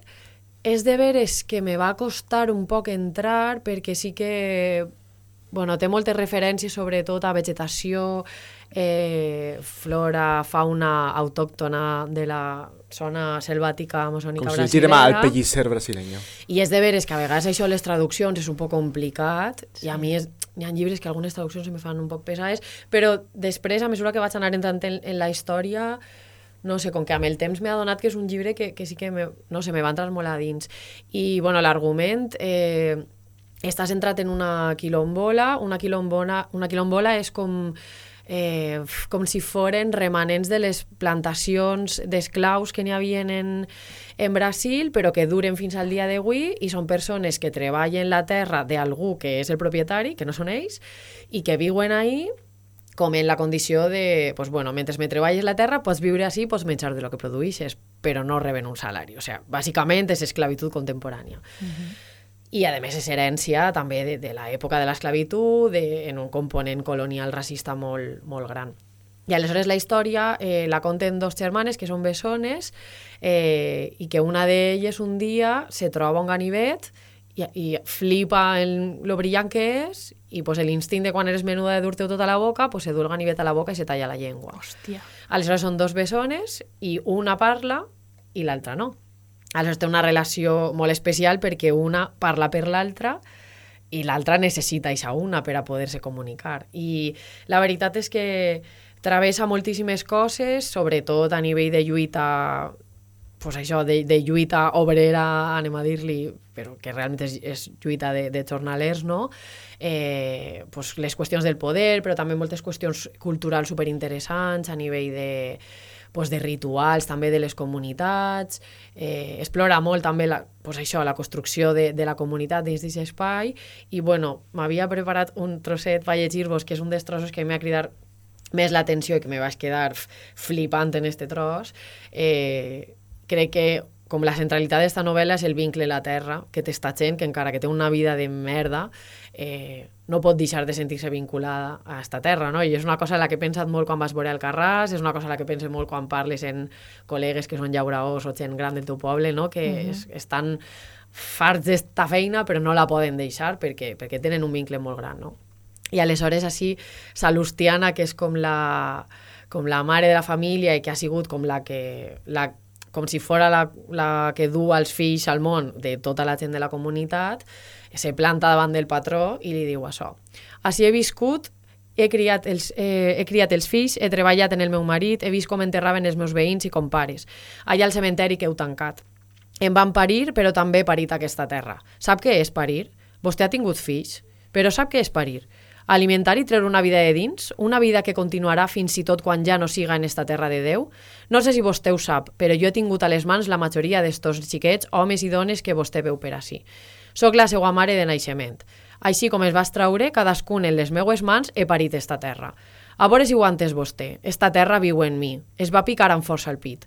Ha brotat en mi i ja relat. Així es va tornar a picar al pit. Esa és a casa de la terra. Viu així al meu pit perquè d'ella se n'ha fet vida, en la meua gent tota sencera. És al meu pit que viu Agua Negra, i no en el document de la plantació de vostè i el seu marit. Vostès fins i tot em poden arrencar d'ací com una mala herba, però no arrencaran mai de la terra de mi. Ole, i Me pareix que té una potència Sí. supergran. Molt i potent, molt Me potent. va agradar moltíssim. Molt Sí. bé. Eh, justament estaves dient lo de així em- m'han parit i jo pensava en Estellers, no? I justament, mira, me serveix molt per a vincular amb el següent eh, tema que volem parlar per a tancar ja el programa, que és el de eh, què esperen d'este 2024 a nivell lector. Uh -huh. I dir-lo d'Estellers perquè enguany és el centenari. Celebrem, commemorem el centenari del naixement del poeta de Burjassot, el poble del costat d'ací.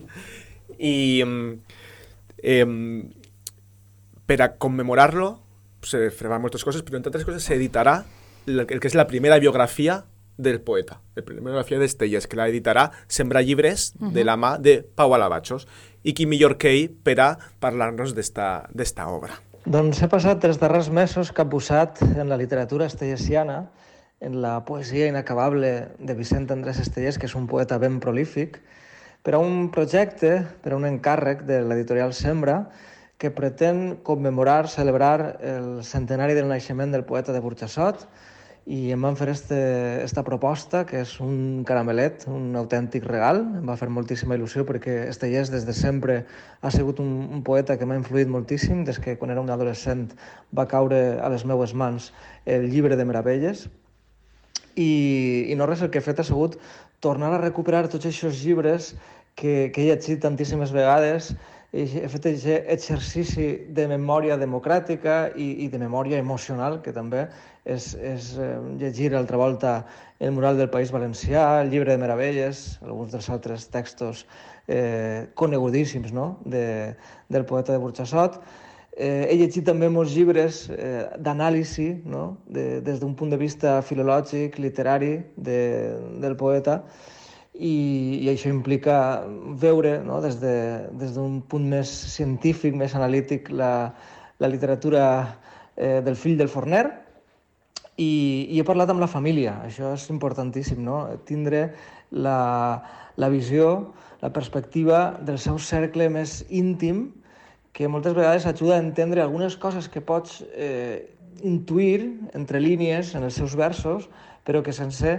eh, l'opinió formada no, de la gent que, que se l'estimava i, que, i que va conviure frec a frec amb ell, doncs és difícil de, de poder eh, interpretar. No? I el llibre és una suma d'aquestes relacions personals que hi van anar creant al llarg de, de la seva vida, eh, la seva relació amb, amb, amb Ovidi Montllor, el seu estimat am amic i company de mil batalles, eh, Manuel Sánchez Guarner, Joan Fuster, eh, la seva relació amb, amb Mallorca, per exemple, eh, els seus pobles, no? el Burxassot de la seva infantesa, eh, la València de, de la postguerra, aquesta València franquista que, que d'alguna forma eh, és el lloc on va viure el festeig amb la seva dona Isabel Lorente, i, i després també Benimodo, el Benimodo dels darrers anys, quan començava la batalla de València i, i van buscar un, un refugi, no? un poble de la Ribera, del cor de la Ribera. Efectivament, eh, no podem contar els capítols més emblemàtics de, de la seva vida sense nomenar, considerem, eh, la mort de la seva filleta, que el va eh, obsessionar eh, per la mort, per la idea de la mort, per la idea de la pèrdua, que és un dels temes principals de la literatura estellesiana, eh, com no, el component polític, la implicació social d'un poeta que va escriure moltíssim sobre el seu país i que s'estimava tant. I, I després, evidentment, eh, hi ha lloc també per a l'amor, no? per a un dels temes universals que més va conrear en la seva producció literària. És, eh, sense cap mena de dubte, un, un treball de recerca d'aquells llocs emblemàtics emocionals eh, de la vida de Vicent Andrés Estellers i és un cant a l'amor, a l'amor al país i a l'amor en, en lletres majúscules, no? eh, que és el que crec que era Estellers, un enamorat del seu país i de la seva gent. Moltes gràcies, Pau, per l'àudio. Eh, quines altres coses esperem del 2024? pues mira, jo tinc un, algunes cosetes que estic esperant, a veure què, què, què vos semblen. Una és mm, la primera novel·la de Paula Ducay, la, la De Punzadas. de Punzadas Sí, bé. Sí, eh, sí. Pues Altamarel li publicarà una novel·la del que de moment jo només sé el títol, que es diu La ternura, no sé Sí. si m'agradarà, si no, però com que el programa m'agrada, pues vull pensar que ella també. I després tinc també un llibre, eh, La set, de Virginia Mendoza. Se'n recordeu de Detendrán mi río? Sí. Que van fer així un experimento sonoro, Sí, sí, superxulo. i tant. Pues eh, Virginia ara en febrer treu este, una, nova, una nova obra sobre eh, la falta d'aigua, les societats eh, escasses d'aigua. O D'acord? sigui, el agua és su tema, eh? Sí, el agua Bueno, és su tema i, i és i, el i suposem que el serà eh, amb el seu estil, no? I ser assaig tan líric el que, el, al que ens està acostumats. A veure si d'ací a que isca ja ha plogut, així. Espere, sí. Home, avui estava núvol per així. Però no quatre gotes, per embrutar els cotxes, que diuen. I altra cosa que espere és el nou Premi Documenta, antes parlàvem de l'altre editorial, que el títol és Al bosc s'ha d'arribar quan encara és fosc, de Maria Arimany, una altra escriptora que és la seva òpera prima, i que, bueno, no, no tampoc sabem de què va, bueno, sí que ho sabem, però no me'n recorde, però sempre m'ha encantat el Premi Documenta eh, i, per tant, este espere que, que no siga menys. Justament ara acabem d'anunciar el Premi Llibres Anagrama de novel·la, eh, que l'ha guanyat Clara Queraltó amb Com el so d'un bàtec en un micròfon. Així que, bueno, també pot ser una cosa a la qual estar atentes. I també d'anagrama el nou de Paul Wask, no? És veritat. Oferta a les mans al paradís, el paradís crema. També seguim amb el foc. A veure què tal. Però jo el... no estic esperant res de 2004. No? 2024. Molt bé, Lourdes, n'hi ha que anar així per la vida. Sí, perquè després tot és Si no, alegria, sorpreses, despavos. clar, que és de veres. Eh, no, perquè estic en contra de les novetats, he decidit. O sigui, si vos fixeu, cap de les tres eh, novel·les que he recomanat són novetats.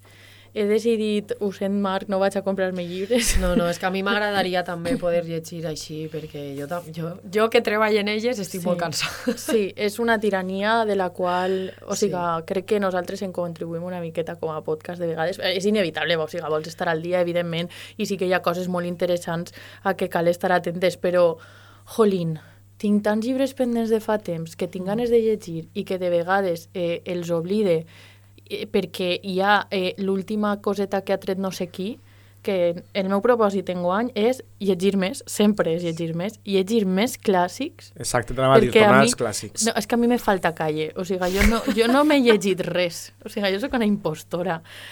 Eh, i, I no comprar tant de llibre, la veritat. Pues mira, aprofitant el tema de tornar als clàssics, aprofite també per anunciar eh, qui és l'escriptora de l'any de l'Acadèmia Valenciana de la Llengua. No és cap secret, però és Maria Ibars.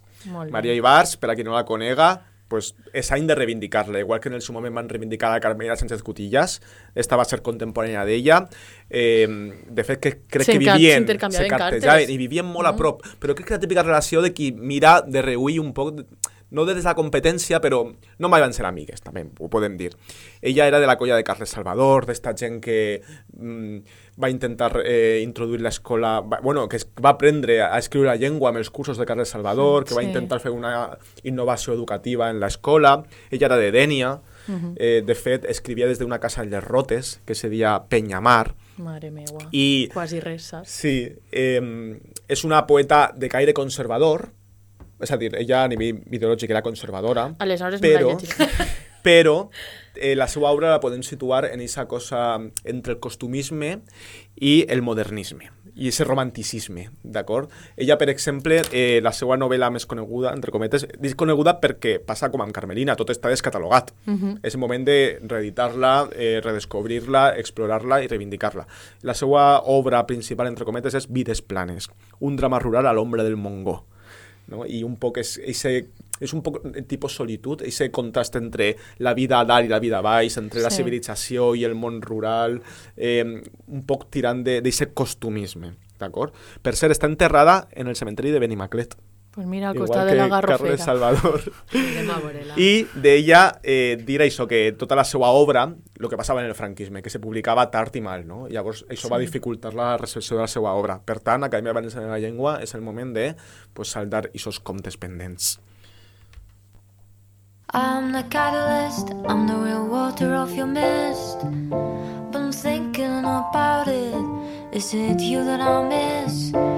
The stories of horses and your Sinatra cross our bliss. On a big ass ceremony, a party and a kiss.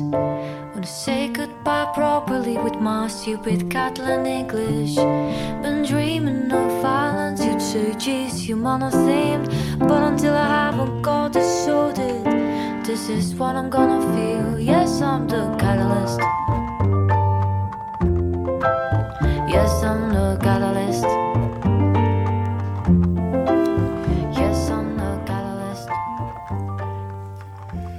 Has Bueno. De, has de presentar tu la cançó que Sí, està por sonant. a dir, Mar, esta cançó l'has triada tu. Contamos qui Vale. que sona i per què sona. Bueno, me va costar moltíssim escollir perquè crec que enguany he estat com superenganxada a moltes coses, el disc de Rodrigo Cuevas, per suposat, el disc no de Sandra Montfort, que me l'escolti quatre vegades seguit, només va. No ha L'últim disc de. Carles Xiner, que vos el recomano moltíssim, Sí, és una és molt preciositat. xulo, sí. Eh, però quan vaig estar pensant en una cosa que resumirà un poc el meu any, vaig pensar de seguida en esta cançó, perquè també quan vaig ir la vaig escoltar, jo crec que igual, no sé, 15 voltes. La meua, Seguides, eh, la meu, a mi m'ha eixit en el rap, també. Sí, perquè és com un... O sea, bueno, estos, estos quatre acords que va repetint és com un bucle. Eh, I, bueno, també la lletra parla de, de moltes coses, no és un poc així evocadora que ho fa Núria... Bueno, Núria, jo dic Núria Graham, però els catalans diuen Núria Graham. Graham. No sé, jo dic, va ser Graham, vale? Eh, com que parla un poc de... O sea, la lletra parla un poc també pues, de com quan estàs en la vida i xina que t'estan passant les coses i que no saps molt bé cap a on vas, però que, bueno, mentre estigues ahí, pues tindràs que gaudir-ho també, no? O sea, com intentar estar ahí. I jo enguany he tingut un any un poc difícil en el que he estat com bastant pues, en stand-by també Mhm. y, y un poco en bucle, ¿no? Entonces, pues como esta cançó me recordava un poc a, a este rollo de dir, pues mira, seguir viva després de tot i, i he pogut gaudir alguna coseta des d'estos quatre acords que s'han anat repetint al llarg d'este any i vos recomane moltíssim el, el, El disc seu sencer últim és- disc. és una passada, La sí. producció és una passada, els arranjaments, l'orquestació, és preciós, vos el recomane moltíssim. Sí, i dada curiosa que el, la, els acords són els mateixos que la de Beso de Raúl Alejandro i Rosalía, que ha sigut la cançó que més he escoltat jo. No verdes. és igual, és igual, t'ho prometo, escolta-la i veuràs. Bé, eh, posem ja el punt i final a este programa, que podríem estar així hasta les tantes. Moltes gràcies, Marc, per acompanyar-nos. Ha Esperem que hagis estat a gust. Gràcies també, Jordi Coy, per tornar a estar allí. És un gust vindre a la ràdio. Que mos hem enterat avui que grava el vídeo de la meva comunió. Increïble. lo, que queda, lo que passa en Godella se queda en Godella. Bé, gràcies a totes les persones que vau respondre a les nostres preguntes per xarxes, gràcies a tot el món que mos ha enviat àudios, a l'Espai Literari de Costur, al Club de Lectura Llibres i Vins de Fontanars, A a. Pau Alabajos, a Ina Palmer, gràcies, gràcies i gràcies. I sobretot gràcies a vosaltres, les que ens escolteu.